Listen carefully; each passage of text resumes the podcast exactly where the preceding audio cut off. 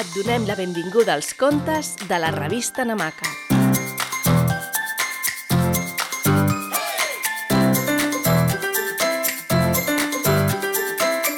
Avui t'explicarem el conte L'Hort dels Desitjos.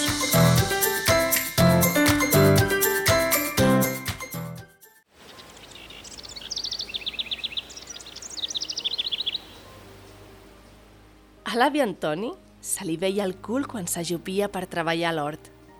«Antoni, la guardiola!» cridava l'àvia Pepa quan el veia. Però l'avi estava sempre tan concentrat en les seves criatures de verdura i fruita que la resta del món li era ben indiferent. «Mira, Dora», em va dir un dia, «mira quina pilota tenim aquí». Efectivament, de la terra, com si fos un tresor meravellós, havia sortit una síndria com una pilota de color verd fosc. Jo la mirava sota el sol abrasador de l'estiu i només pensava en les ganes que tenia de veure un bon got d'aigua fresca. Aquesta ens la mengem ara mateix, va afegir l'avi entusiasmat. Llavors em va posar la síndria enorme als braços. Estava calenta i sonava com si tingués aigua dins. Em sentia com si algú m'hagués donat un nadó acabat de sortir de la panxa de la seva mare. Fins i tot, per un instant, vaig tenir la impressió que duia a les mans un ésser viu que en qualsevol moment podia sortir corrents. L'avi i jo vam entrar a casa portant la síndria entre els dos. Bé, més aviat ell, perquè per a mi pesava massa. Ai, quina set i quina gana que tinc! Vaig deixar anar en entrar a la cuina. Llavors, l'àvia Pepa li va fer un tall a la síndria i me'l va donar. Té, em va dir, la terra et dona el que necessites. Com oblidar aquella síndria tan dolça, tan vermella i tan refrescant. Mmm, quina delícia! Em va passar la gana, la set i tota la calor.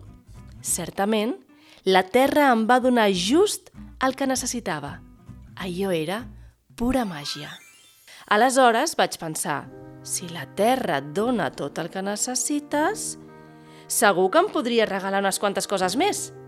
I jo necessitava imperiosament uns patins, un hula hoop i una capsa de retoladors brillants. El problema era on trobar llavors per fer créixer tot allò. Li vaig preguntar a l'avi, que em va respondre «No tinc llavors per a joguines, però potser, si ho escrius i poses el paperet dins la terra, com si fos una llavor, qui sap si creixeran. Ara, no oblidis que l'has de regar cada dia». I així ho van fer. Mentre l'avi cuidava el seu hort de verdures i fruites, jo al costat hi tenia el meu hortet dels desitjos. Alguna vegada van aparèixer misteriosament coses extraordinàries, com ara piruletes o carmels. Els patins, a dia d'avui encara no han sortit, però veig unes puntetes de colors que creixen cap amunt i estic segura que són els retoladors brillants. També desitjo altres coses que no es poden tocar i que tampoc puc dir a ningú més perquè, amb el temps, el meu hort també s'ha tornat un amic. Jo li parlo a la terra i, sobretot, li parlo bé, amb molt de respecte i amor. Perquè, com diu el meu avi, la terra t'escolta i sempre, sempre respon. Així que demanaré a la terra un cinturó per a ell, a veure si així ja no li cauen mai més els pantalons. Un conte escrit per Dora Cantero i publicat a la Namaca número 32. Descobreix més històries namaquianes a www.revistanamaca.com.